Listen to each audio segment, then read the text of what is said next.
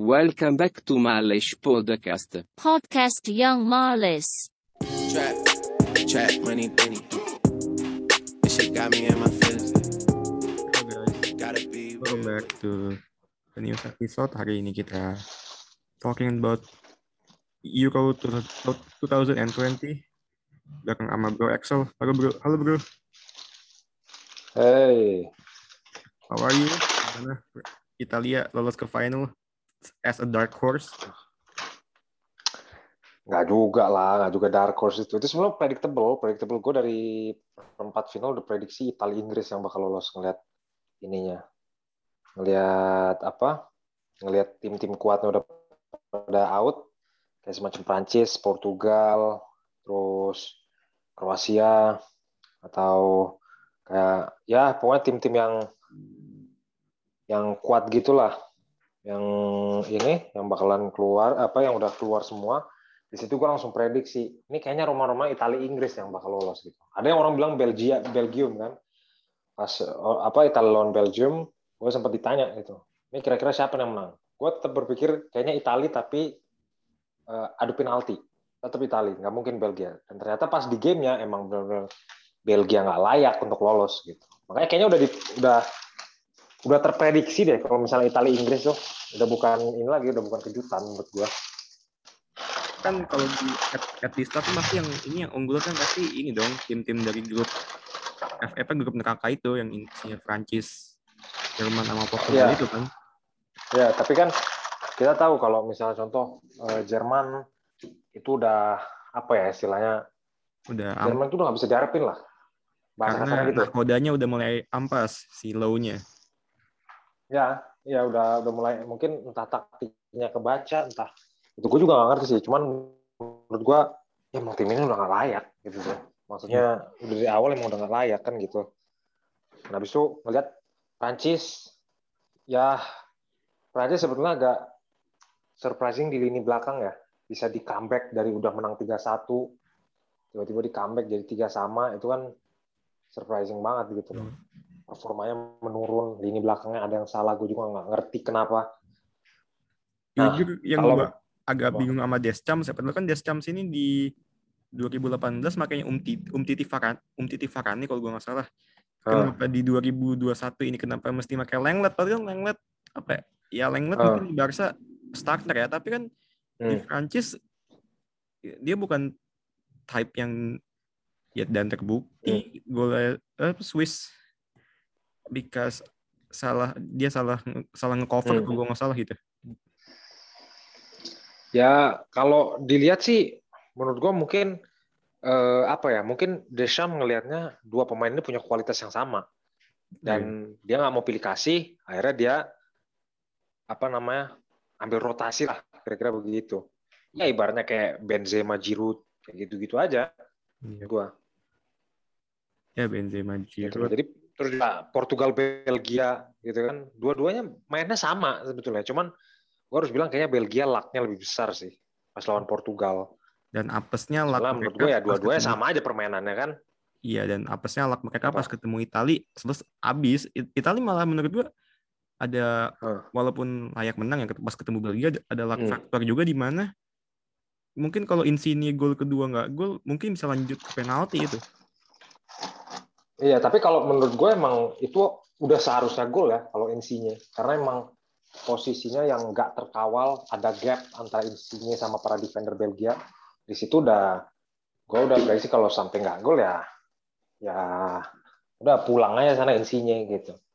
Tapi emang itu layak sih, gol apa namanya kemenangan Italia itu lebih mendominasi permainan, terus apa namanya eh, permainannya kalau menurut gue ya, Italia pas lawan Austria dibandingin sama lawan eh apa tuh? Lawan apa sih itu? Tadi Belgia, Belgia itu beda banget. Lawan Austria benar-benar dua gelandangnya dikunci, tapi terus juga mainnya pragmatis ya, cepet banget. Dia langsung bola, tiap dapat bola langsung kasih depan, langsung kasih depan. Tapi bola pendek ya, bukan bola panjang. Mm. Tiap dapat bola langsung kasih depan, kasih depan. Tapi giran pas lawan Belgia itu benar-benar pelan-pelan dia naik baru dia apa namanya bolanya diolah dulu gitu loh. Iya, iya. Jadi benar-benar gue berpikir kayaknya permainan Italia tuh sedikit unpredictable walaupun skemanya sama tapi eh, cara nyerangnya masih sedikit unpredictable sih menurut gua. Kayak gitu. Mungkin yang Tapi kayaknya udah di, maksudnya obvious kan, obvious Italia bakal ke Hmm. final. Dari awal semua orang ngejagoin Italia kan. nggak kalau gue sih enggak ya gue gue nggak terlalu ngepredik Italia gue malah karena gue yang gue unggulin dari awal itu France pasti France France Belgia Heeh. ya malah up malah Oh. Ya, France Belgia kan bakalan ketemu istilahnya. iya Ingat tapi ya gue juga salah juga sih ngeprediksi itu dua tim di awal Hmm. kenapa gue nggak walaupun gue suka Spanyol tapi kenapa gue nggak ngedukung Spanyol Euro ini Hmm. ya karena itu tadi lah Eh, Hmm. Enrique terlalu songong menurut gue nggak ngebawa pemain Madrid Banget, terlalu sombong banget menurut gua. Ya walaupun sampai semifinal sih. gede gitu ya. Walaupun sampai semifinal sih harus gue akuin sampai semifinal pencapaian yang oke tapi eh ah gue kayak kurang sekak kurang, sekak aja ngeliat dia nggak ngebawa any of pemain Madrid entah either Asensio atau maybe kapten mereka Ramos. Mungkin karena lu pendukung Madrid, makanya lu nggak terima. Iya, jelas dong. Tapi menurut gue emang emang lucknya gede banget sih, karena eh, apa ya? Secara permainan juga nggak meyakinkan secara attacking ya. Ya, Spanyol lah. Walaupun istilahnya oke mereka nggak kebobolan di dua pertandingan pertama, tapi kan habis itu bener-bener dia eh kebobolan ya Spanyol ya pas Ah, di pertandingan ada, kedua ya satu-satu apa apa kosong kosong yang Lupa- pertama. Lupa gue, ntar gue cek ntar nanti. Tapi ya tapi maksud gue kayak tadi gitu lawan Kroasia sampai Spanyol itu kan dari dari dari perdelapan besar sampai semifinal extra time terus kan mainnya kan. Hmm, Lawan Kroasia extra time. Swiss adu penalti, lawan Italia juga sama adu penalti kan gitu kan. ya, Jadi emang benar-benar gue juga nggak ngerti sih. Kemarin pas lawan Italia mereka lebih mendominasi gitu loh permainan. Ya kan? Lu bisa lihat gimana Italia di diacak-acak gitu lah. dikepung. Benar-benar iya, benar-benar diacak-acak, benar-benar di kepung. Jadi gue kaget pas ngeliat itu. Tapi kalau ngelihat Spanyol kan juga apa ya terlalu naif juga nggak sih lu ngeliat mainnya Hmm. apa either Alba or As- Aspi terlalu maju jadi sempet beberapa kali kalau inget yang ada blunder Unai Simon yang Hmm. yang, yang Emerson sayang aja tuh Emerson kurang cepat passingnya dan gak bisa dieksekusi yang dengan baik sama Itali babak babak Apanya? pertama kalau gua nggak salah ada ada momennya momen di mana Pas Unai Simon ngenepis. Enggak, Unai Simon Unai Simon maju, Emerson Hmm. dapat tuh bola, abis itu dipassing entah ke siapa, abis itu Hmm. belum dieksekusi dengan baik babak pertama, kalau nggak salah. Iya, sebetulnya Spanyol tuh udah dari awal out gitu tuh. Cuman ya ketemu Slovakia, gue nggak tahu Slovakia pada kerasukan apa sampai sampai bapuk begitu mainnya. Terus lawan Kroasia juga sama, gue juga heran. Lawan Swiss menurut gue Swiss ya di situ lucknya gede ya Spanyol. Ditambah juga ada Karena- kartu merahnya Spanyol, kayak sorry, kartu merah Swiss, Ya kartu merahnya Swiss yang aneh. gue nggak layak. Ya, tapi ya terlepas dari itu semua kan Spanyol udah ya walaupun menurut gua Spanyol oke main oke lawan Itali. Tapi skor satu-satu itu rada rada nggak fair sih. Laga itu deserve banyak gol sih sebenarnya. Menurut gua itu itu udah menunjukkan banget gitu ya satu-satu itu itu udah nunjukin banget eh, betapa rusaknya lini depan Spanyol karena istilahnya mereka dominasi permainan sampai berapa? Ada mungkin 60% ya. Yap. 60% ball possession. Tendangan ke gawang juga lebih banyak Spanyol tapi penyelesaian akhirnya masih jadi menurut gua ya gitu deh. Ya lu nggak bisa ngarepin lebih juga sama kualitasnya mau rata, Hmm, hmm. nggak bisa lu. Ya mungkin Pedri tendangan ke mana tetap aja disanjung sama Enrique kan kan lucu. iya padahal ya Mikel Mikel Oyarzabal pun juga nggak Hmm. nggak Gue juga baru Nah. dengar tuh nama tuh. Kenal aja enggak tuh gua sama dia.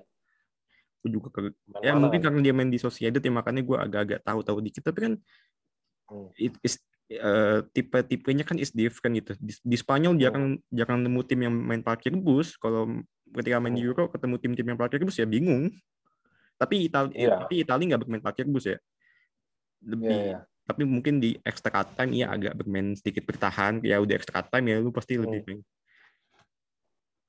Tapi lu ngerasa nggak sih Oh. kalau tahun apa Euro Series ini apa faktor luck bener-bener gede banget nggak cuma di Italia di Inggris juga di Inggris kan Inggris Kenapa? eh, dapat faktor luck di mana mereka bisa main di Wembley berapa kali gitu sampai nanti kan final juga di Wembley Iya. Ya kan kalau menurut gue kalau di Wembley itu udah rencana awal emang final di Wembley kan. iya makanya gue bilang faktor luck dari awal mau starting juga ya dan juga Kalau menurut gua kalau? England apa ya? Mereka emang impresif sih lawan Kroasia nggak kebobolan. Lawan Jerman juga nggak kebobolan. Mereka tuh baru kebobolan kan lewat set piece. Lu bisa bayangin kalau gitu betapa bagusnya lini belakang mereka gitu kan di bawah Southgate. Iya. Walaupun orang prediksi pemilihan pemain dari awal udah kayak apa tahu semenjak tren nggak ada nanti permainannya gimana apa semuanya ke kanan semua semua jadi bek kanan apa gimana tapi bisa dilihat lawan Jerman nggak kebobolan lawan Kroasia yang istilahnya di 2018 mereka kalah 1-2 tapi ini mereka nggak kebobolan. Ukraina juga ya Ukraina istilahnya gue nggak bisa ngomong apa apa ya. Hmm, dan baru kebobolan semalam itu pun lewat set piece. Berarti kan lini belakang mereka patut diapresiasi kan? Oke begitu. Ya emang apa duo back emang kelas semua sih dimulai dari Harry Maguire sama sama, sama John Stones dan itu Hmm. kan dua center back yang sebenarnya nggak cuma Hmm. bagus di bertahan ya, dia juga bisa jadi ball, ball playing defender juga either Maguire or, Hmm. or or John Stones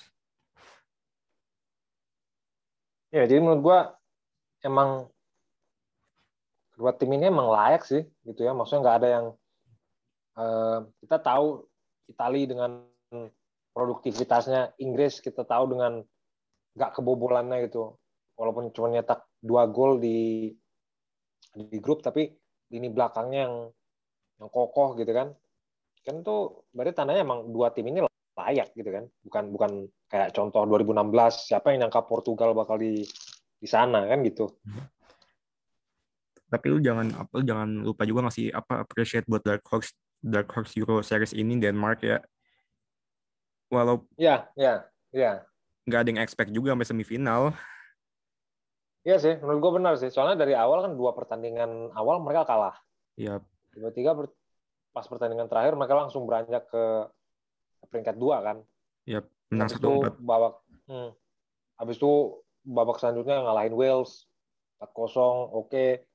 Lawan ngalahin Czech 2-1 dan terakhir kalah sama Inggris pun golnya Inggris kan terakhir penalti ya, penalti yang istilahnya controversial kontroversial banget gitu. Menurut lu Menurut deserve gak? deserve gak? Sterling dapat penalti kalau gue sih enggak Kalau menurut gue sih dia diving ya. iya Menurut gue dia diving. ya Dan memang itu ada VAR. Gitu loh. Kenapa nggak dilihat? ya memang ada kontak sih ada kontak tapi kan kontaknya bukan buat memotong apa pergerakan Ya. Sterling itu apa malah menurut gue nggak sengaja kena doang itu Ya menurut gue sih justru dia malah ngejatuhin diri ya si iya si Sterling. Sebenarnya dia dapat kartu kuning sih. Tapi ya VAR-nya nggak dicek sama referee-nya. Ya, gue juga nggak tahu sih itu. iya bener-bener sampai ke babak, maksudnya sampai babak perpanjangan waktu itu masih masih bisa lah ya, gitu kan? dan juga ya walaupun Denmark sesuai ekspektasi lebih lebih bertahan ya tapi harus apresiasi juga babak pertama Eh, mereka benar-benar apa ya pressing Iya. pressing high press sem ya Hmm. sempet juga kecolongan beberapa kali di half di Hmm. half space bertahannya Inggris si either eh, Brad White bisa Hmm. ngancem-ngancem dikit lah di babak pertama Ya menurut gue dengan dengan mereka apa ya, dengan dia nahan imbang Inggris sampai full time itu menurut gue udah udah udah it's something big gitu loh. Maksudnya siapa yang nyangka Denmark yang kalah lawan apa namanya lawan apa tuh? Finland. Ya lawan Belgium lawan Finland di awal-awal tapi mampu sampai ke semifinal gitu. Apalagi sampai nahan Inggris di babak full time. Ini kan ada semacam kayak revolution gitu, revolution tactical revolution atau mental revolution. Ya after. Ya emang sih diakuin, diakuin semenjak apa ya semenjak si Erikson ini jadi lebih apa ya lebih bersemangat lah gitu kan. Tapi ya sekali lagi ya salah satu underdog mungkin Denmark dari empat besar itu mungkin Denmark satu-satunya underdog yang orang nggak nggak expect dia mereka bakal di semifinal sih. Dan yang dan- yang impresif juga dari Denmark eh, mereka bukan tim yang reaktif ya bukan tim yang menunggu. Mereka Hmm. malah lebih aktif lebih doyan melakukan high press high press. Ya lebih lebih Hmm. bukan tim yang tipe-tipe bertahan lah. Bukan tipe tim yang pakai rebus walaupun di match kemarin lawan Inggris mereka Hmm. kelihatan lebih bertahan ya menghadapi Southgate. Ya mungkin beda kualitas squad mungkin. Em, ya tapi nggak bisa bilang gitu juga. Soalnya babak pertama jumlah eh, tembakan ke gawangnya sama sama-sama empat sama-sama dua on target satu off target dan satu di blok itu sama tapi entah kenapa babak kedua malah mereka cuma dapat satu gitu loh. Makanya kan agak agak timpang gitu di babak kedua. Apa namanya apalagi extra time juga benar-benar nggak ada shot on goal. Di apa namanya di extra time kedua baru ada satu uh, shot off target gitu loh. Makanya agak agak mengagetkan juga apa gitu yang yang dicari sama si apa Kasper Hjulman ini nih pelatih Denmark. Apa dia emang maksudnya apa dia emang rencanain biar sampai adu penalti gitu ya kan? Tapi kalau ngeliat Inggris juga tuh. ngelihat apa? De- apa ngeliat Denmark main yang nggak bagus-bagus amat Hmm. kenapa nggak bisa dieksekusi dengan baik ya main Inggris? Ya itu juga gimana ya istilahnya Denmark ini kan bukan bukan tim semacam Ukraine yang bisa dia kalahin 4-0 dan lu juga bisa lihat kalau lini depan Inggris tuh pas di babak fase grup benar-benar emang penyelesaian akhirnya buruk gitu loh. Yang lu nggak bisa apa ya lu nggak bisa expect mereka bisa cetak gol lebih dari satu gitu tuh ini menurut gue Inggris bisa dibilang beruntung lah di apa bisa masuk final. Karena gue tahu nih gue gue yakin pelatih Denmark nih sengaja dia pengen babak kedua tuh lebih bertahan biar sampai ke adu penalti dia dan dia udah nyiapin itu. Karena dia tahu biasanya luck Inggris pas adu penalti itu selalu gagal kan. Nah itu kan Harry Kane juga hampir gagal tuh dia kan.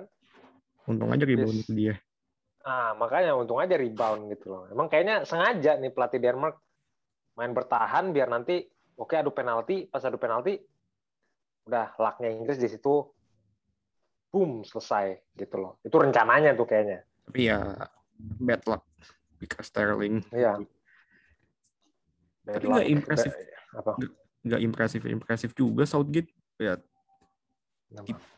taktik yang reaktif dan eh, Ah. kebanyakan pakai pemain yang tipenya bertahan ya kecuali di game kemarin ya lawan eh, siapa lawan Denmark itu masa yang masih mau tapi kan Hmm. beberapa game ke belakang sebelum lawan Denmark mereka Hmm. tiga empat tiga yang lebih bertahan bermainnya Ya Cuman- menurut tapi menurut dia itu ini kan maksudnya berhasil kan di Piala Dunia masuk empat besar di UEFA Nation League juga masuk semifinal dan sekarang Euro bisa sampai final.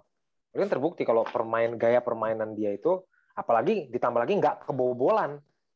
Ya Dan karena itu tadi banyak tipe apa banyak pemain yang tipenya bertahan Hmm. kan Iya, tapi kan ah, kayak apa ya? Mungkin ada tim juga yang bermain apa tipe bertahan tapi nggak bagus-bagus amat bertahannya gitu. Ya contoh aja Belgia kurang bertahan apa pas lawan Italia, oh ya iya kan? bener-bener Tapi ujung-ujungnya ya itu gitu loh. Makanya dari situ aja gue bisa eh, istilahnya kita bisa lihat lah kalau eh, kalau emang taktik yang kayak gitu yang lu bilang tadi reaktif itu ternyata bekerja bagus banget sampai bisa ajang-ajang 4 tahunan kayak gini ya Iya, karena ini turnamen kan.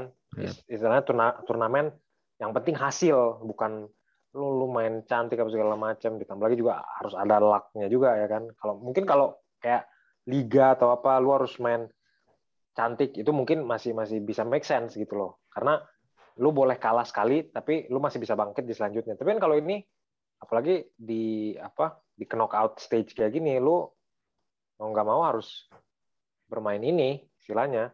Yeah. And uh, langsung apa uh, kalau ngeliat Inggris ya Inggris kan kemarin tuh main as a team yang ketiga di abad ke-21 ini yang bermain as tuan rumah di semifinal. Setelah sebelumnya ada Portugal di Euro 2004 menang 2-1 lawan Belanda. Hmm. Habis itu Euro 2016 Prancis as tuan rumah menang lawan Jerman 2-0 dan kemarin England mengulangi keberhasilan keberhasilan dua tim sebelumnya as tuan Hmm. rumah menang di semifinal tetapi ada juga nih kutukannya juga nih biasanya tim yang melaju ke final loh as tuan rumah biasanya Hmm. nggak juara Mhm. so kayaknya menurut gue ya gue ya gue ya gue- jujur ya gue Ya. gue gue gue pen- gue penantang football is coming home makanya Mhm. ya I hope so Italy gonna win the final dan Ya, sekarang pertanyaannya berapa banyak sih tim yang jadi tuan rumah di saat yang bersamaan mereka gagal di final? Berapa banyak? Mungkin cuma dua kan? Portugal sama apa? France Sama sama France gitu kan. Tapi kalau kita lihat ke belakang tahun 64 Spanyol tuan rumah juara. Tahun 68, oke mungkin itu tahun 60-an ya, Itali tuan rumah juara juga. Tahun 84 Prancis tuan rumah juara juga gitu. Jadi bukan justru malah itu kan berarti tiga gitu loh. Tiga tuan rumah ujung-ujungnya jadi jadi juara. Kalau gue pribadi, kalau ngelihat secara apa ya? Kalau ngelihat secara permainan, Italia diunggulin. Secara permainan, secara materi pemain, jumlah Ya, gol yang dicetak gitu kan. Karena kan Italia kan selalu pasti ngegolin gitu loh. Italia nggak mungkin apa nggak pernah yang namanya satu pertandingan mereka nggak ngegolin, selalu ngegolin, gitu kan.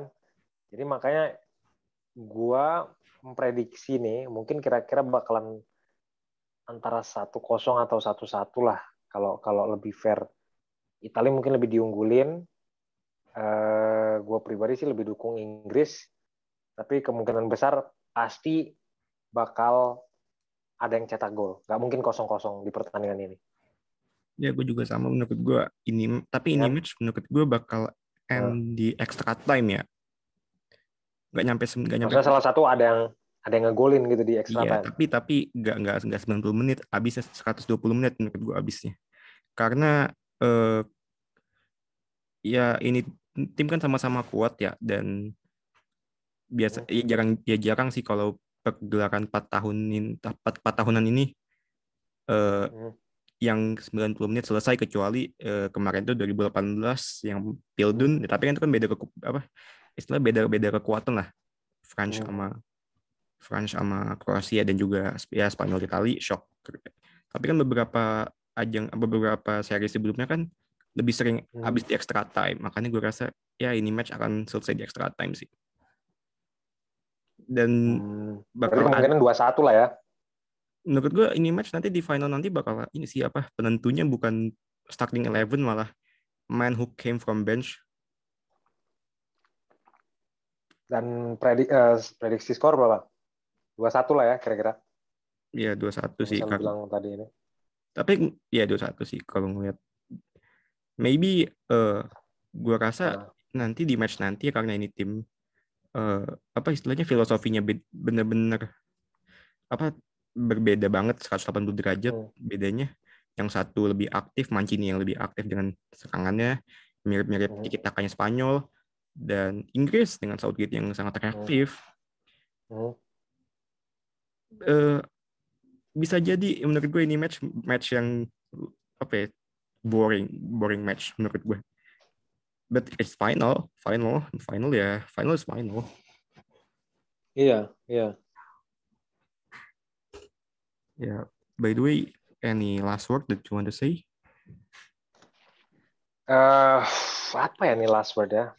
Oh ya, one last word yang mungkin gue bakal bilang adalah the trophy is coming home. ah okay if that if that is your last word I'm gonna say the trophy is gonna come to Rome Okay, okay, let's see. okay guys okay uh, thank you for listening um, we gonna see the trophy is gonna back to home or back to the room. Okay, bye. See you guys. Bye bye.